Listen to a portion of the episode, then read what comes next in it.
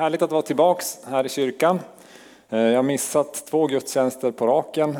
Eh, först på grund av EFKs kongress och sen förra veckan som återhämtning efter ännu en operation som jag var tvungen att göra. Ni som har hört mina predikningar har hört att jag är den pastor i Sverige som pratar mest om min rumpa. Eh, så att, det har fortfarande inte riktigt läkt ordentligt så det blir minst en operation till. Så ni får höra mer om det framöver. Eh, med den grejen i kroppen så ska jag predika om helande.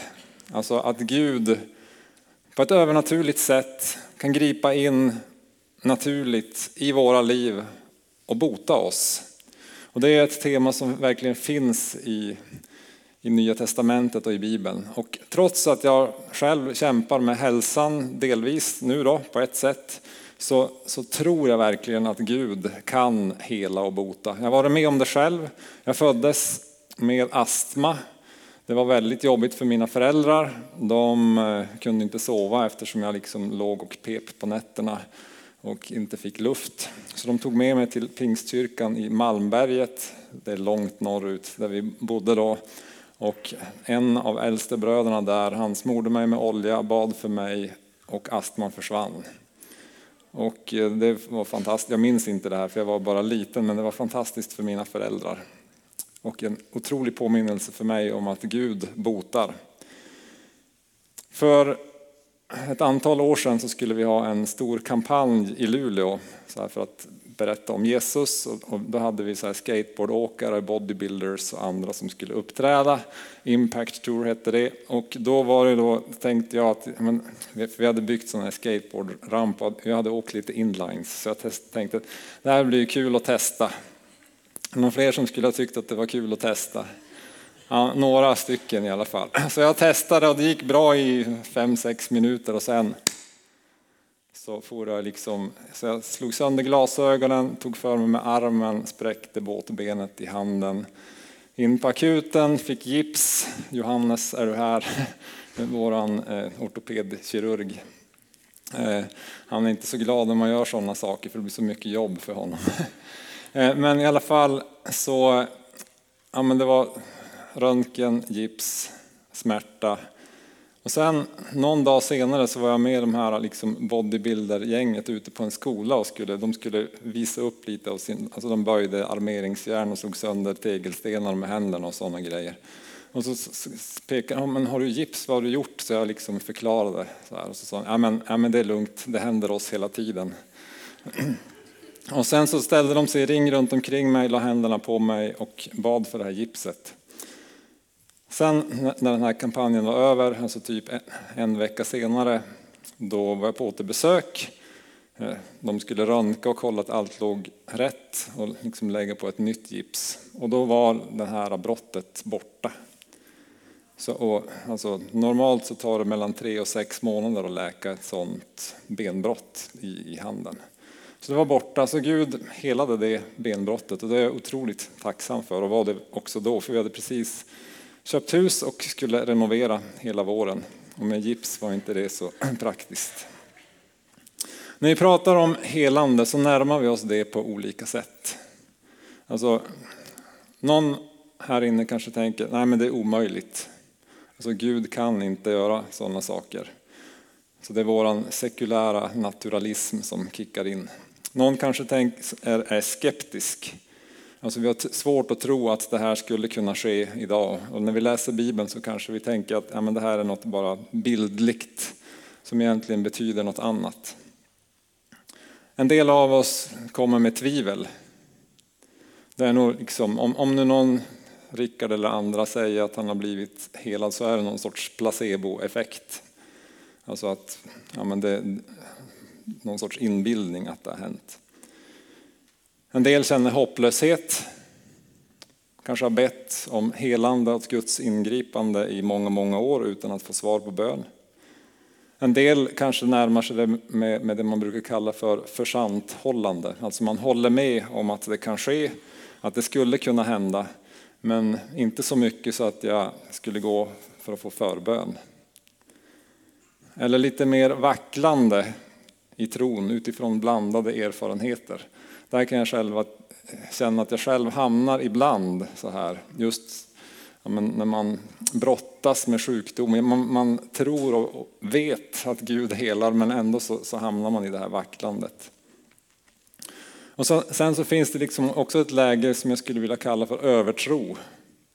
Där man tror så mycket på det så att man blir besviken varje gång det inte händer.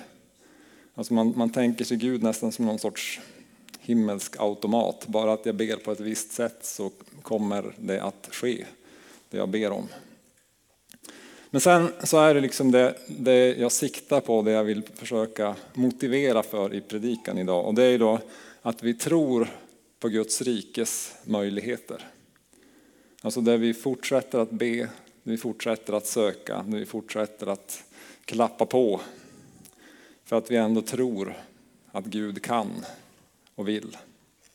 Vi ska läsa, jag har några bibelord idag, vi ska läsa från Lukas 4, vers 16 först. Så kom han till Nasaret där han hade vuxit upp. Det handlar alltså om Jesus. På sabbaten gick han som han brukade till synagogan. Han reste sig för att läsa ur skriften och man räckte honom profeten Jesajas bokrulle. När han öppnade rullen fann han stället där det står skrivet Herrens ande är över mig, för han har smort mig till att förkunna glädjens budskap för de fattiga.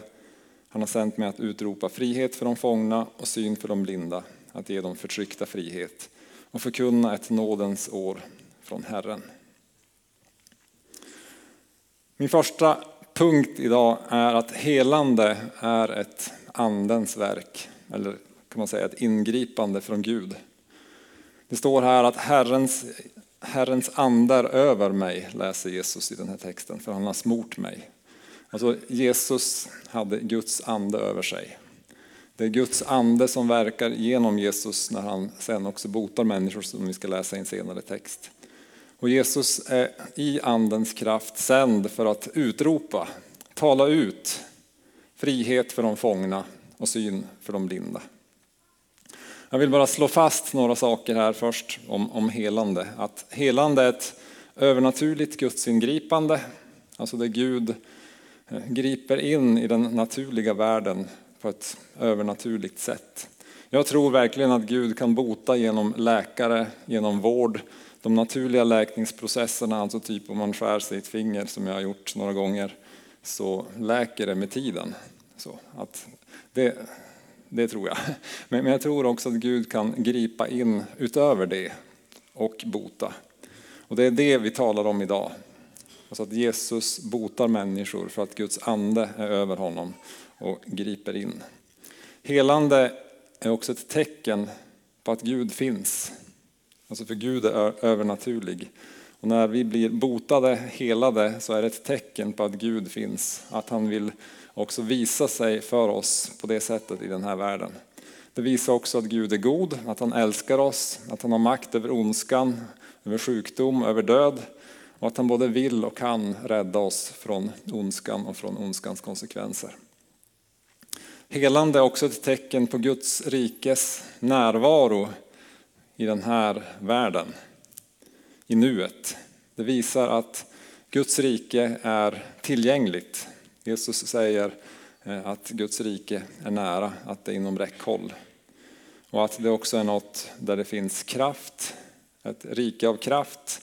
Det är ett verkligt rike och det är något som finns fast vi inte kan se det med våra fysiska ögon. Och på det är helande alltså också ett tecken. Helande är också en, en beröring av Gud.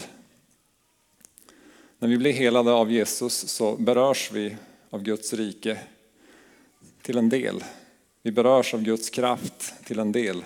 Om Gud skulle liksom skicka hela sin förvandlande kraft genom oss så, så ja, alltså, det kommer vi inte att få uppleva förrän Jesus kommer tillbaka så vi får liksom förvandlas och uppstå liksom till det nya livet, till det eviga livet. Så, så att, ja, men vi kan nog inte förvänta oss det just nu, så här, men vi kan förvänta oss att bli berörda och förvandlade, helade här och nu.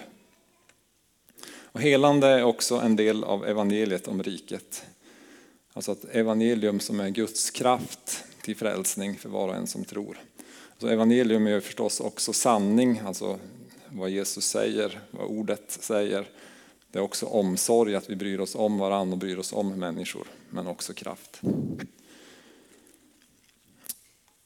Vi ska läsa nästa text och gå till min andra punkt.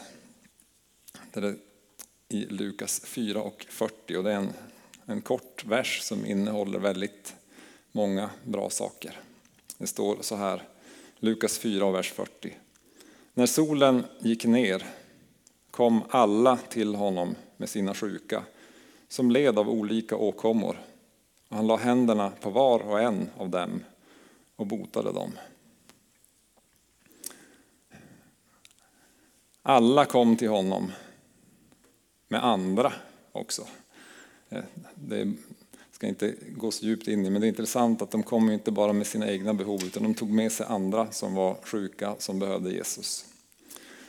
Och det här liksom att alla kom till honom, det tycker jag är intressant. För att Jesus verkar inte göra skillnad på vilka som får komma och inte får komma, utan alla, alla kom, alla var välkomna. Det handlar liksom inte om social status eller hur mycket man tror eller om man har levt ren som en jude i det här sammanhanget. Utan alla som hade ett behov kom och fick komma och blev berörda av Jesus. Man kan ju liksom fundera på hur, hur tänkte de här människorna?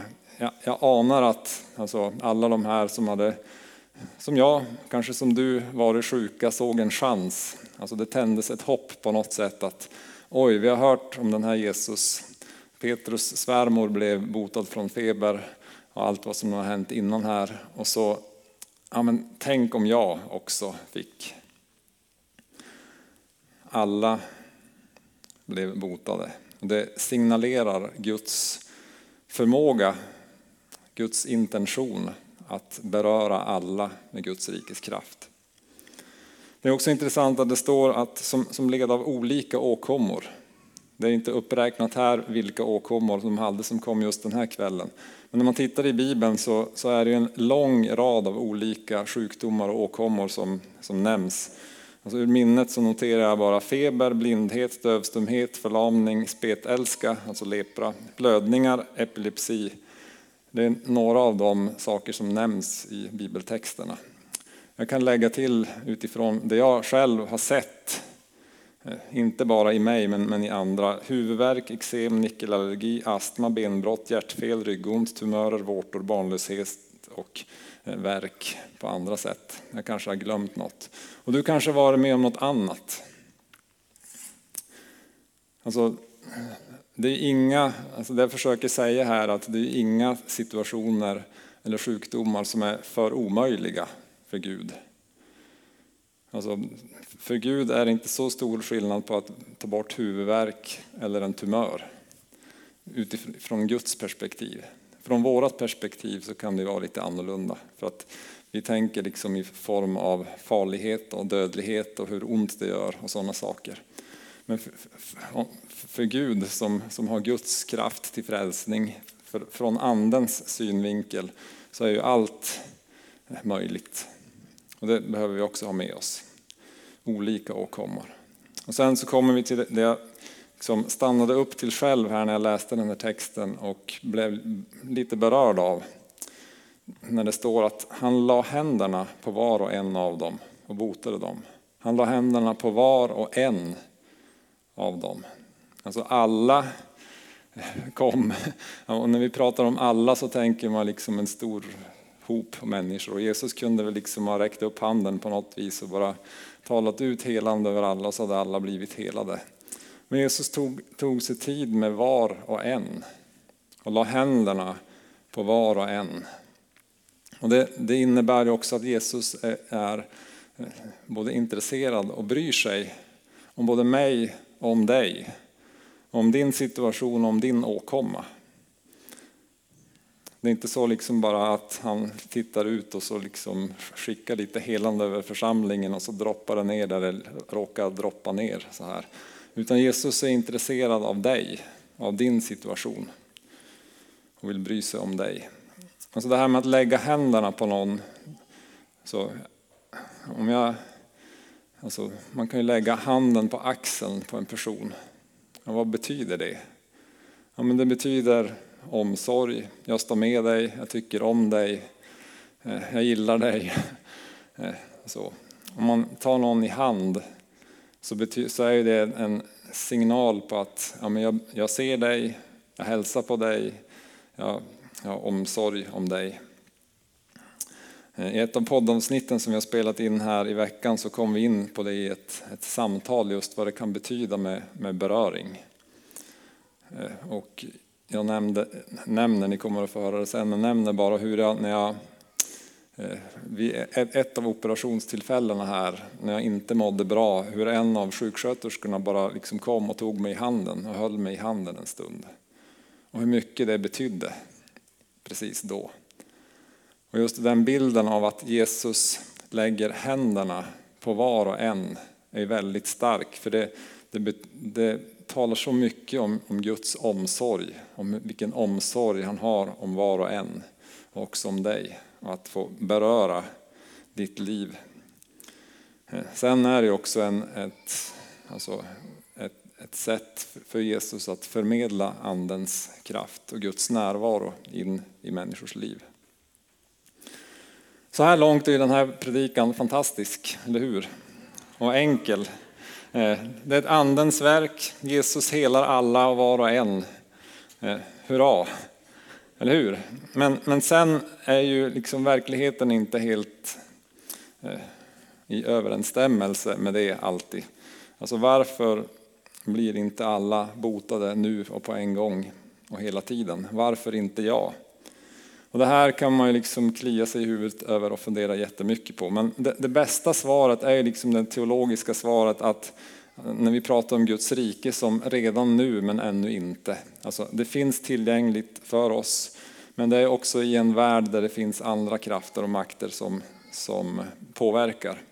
Alltså att Guds rike är närvarande genom Guds ande i våra liv.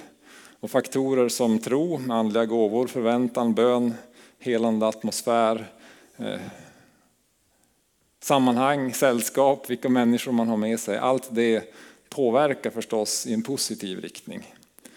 Men, men Guds rike är inte heller här i sin fullhet, ännu inte.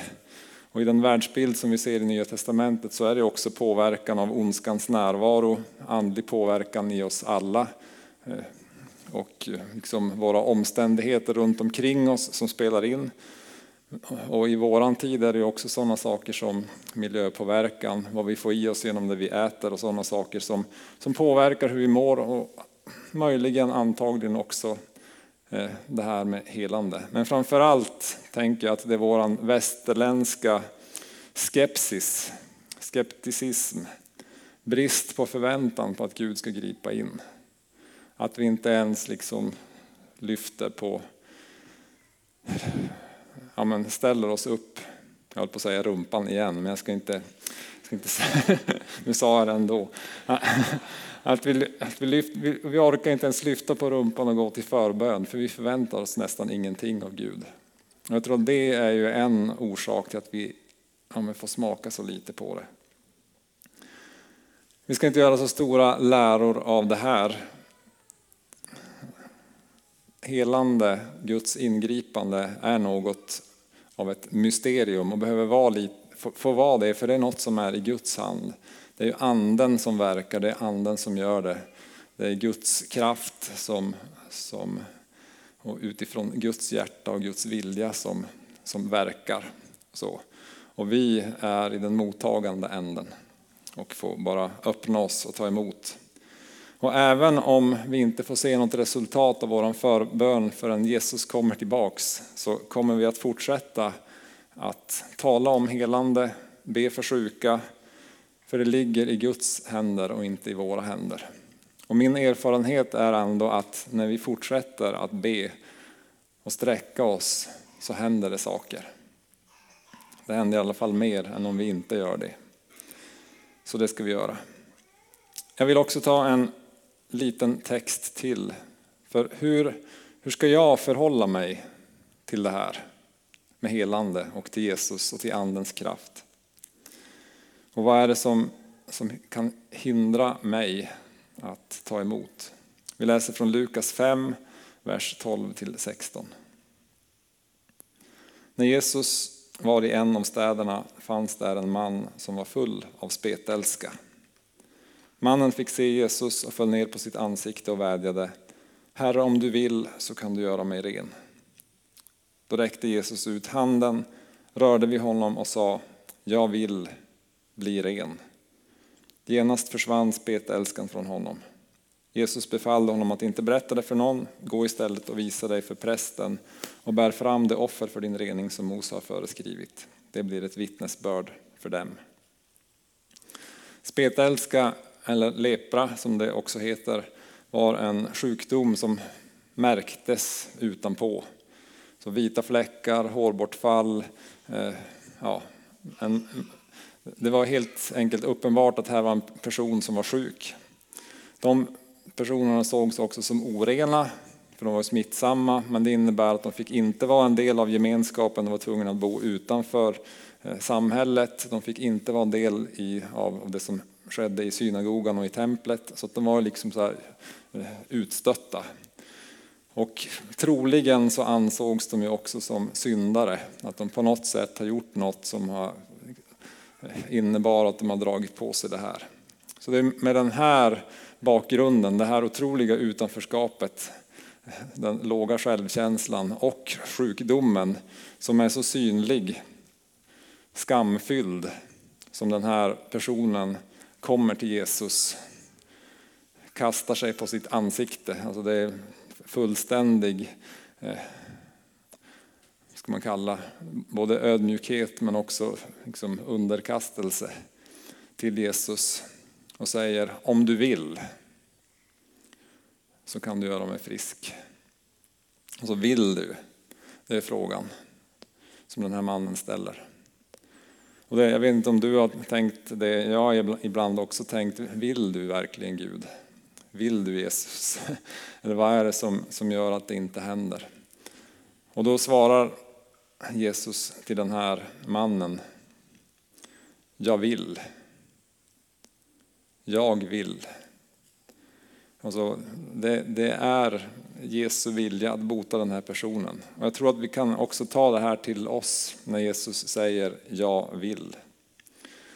Sen rör Jesus vid honom och då måste vi tänka på att det är, det är den här liksom, smittsamma personen, eh, orena personen, utstötta personen som är utanför lägret och ska vara där enligt, enligt eh, Guds lag i, i Gamla Testamentet. Som man inte skulle vidröra. För att om man vidrör en oren så blir man själv oren. Men Jesus rör vid honom. Jesus säger, jag vill. Och så rör han vid honom. Och det här den här eh, bilden behöver vi ha med oss och de orden att Jesus säger jag vill. Han vill få vidröra dig också. Några lessons to learn bara ur den här texten. Alltså, tänk inte att du inte är värdig att ta emot det Gud vill ge dig. Oavsett om det är helande eller upprättelse eller frihet eller, eller räddning eller frälsning. Du får inte tänka att Jesus inte vill, att det inte är för dig. Alla, var och en, det handlar också om dig.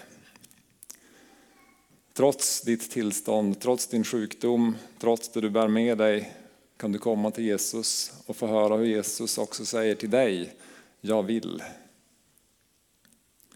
Och även om sjukdomen inte skulle försvinna. Även om du inte skulle bli helad precis nu så kan Guds ande ändå få beröra dig med omsorg, med kärlek, med kraft, med upprättelse.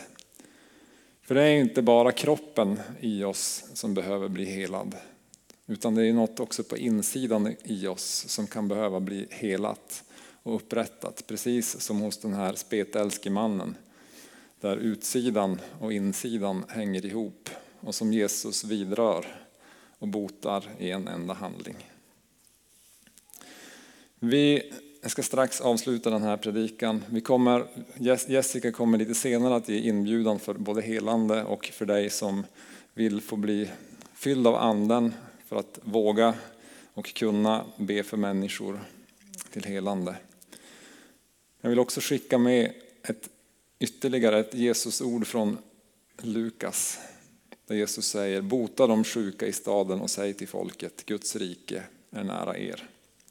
Så våran dröm i församlingen här i Korskyrkan är att få se hur Stockholm mer och mer ska få präglas av Guds rikes närvaro.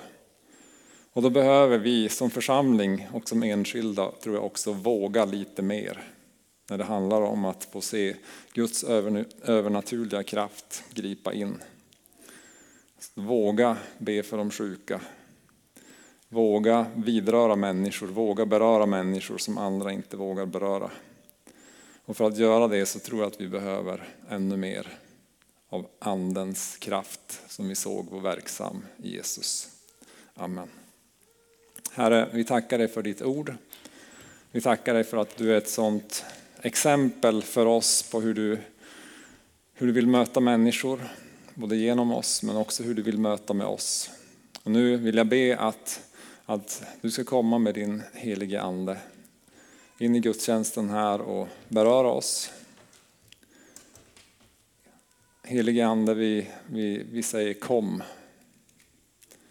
Kom med din kraft, kom med ditt liv, kom med ditt tilltal, kom med helande.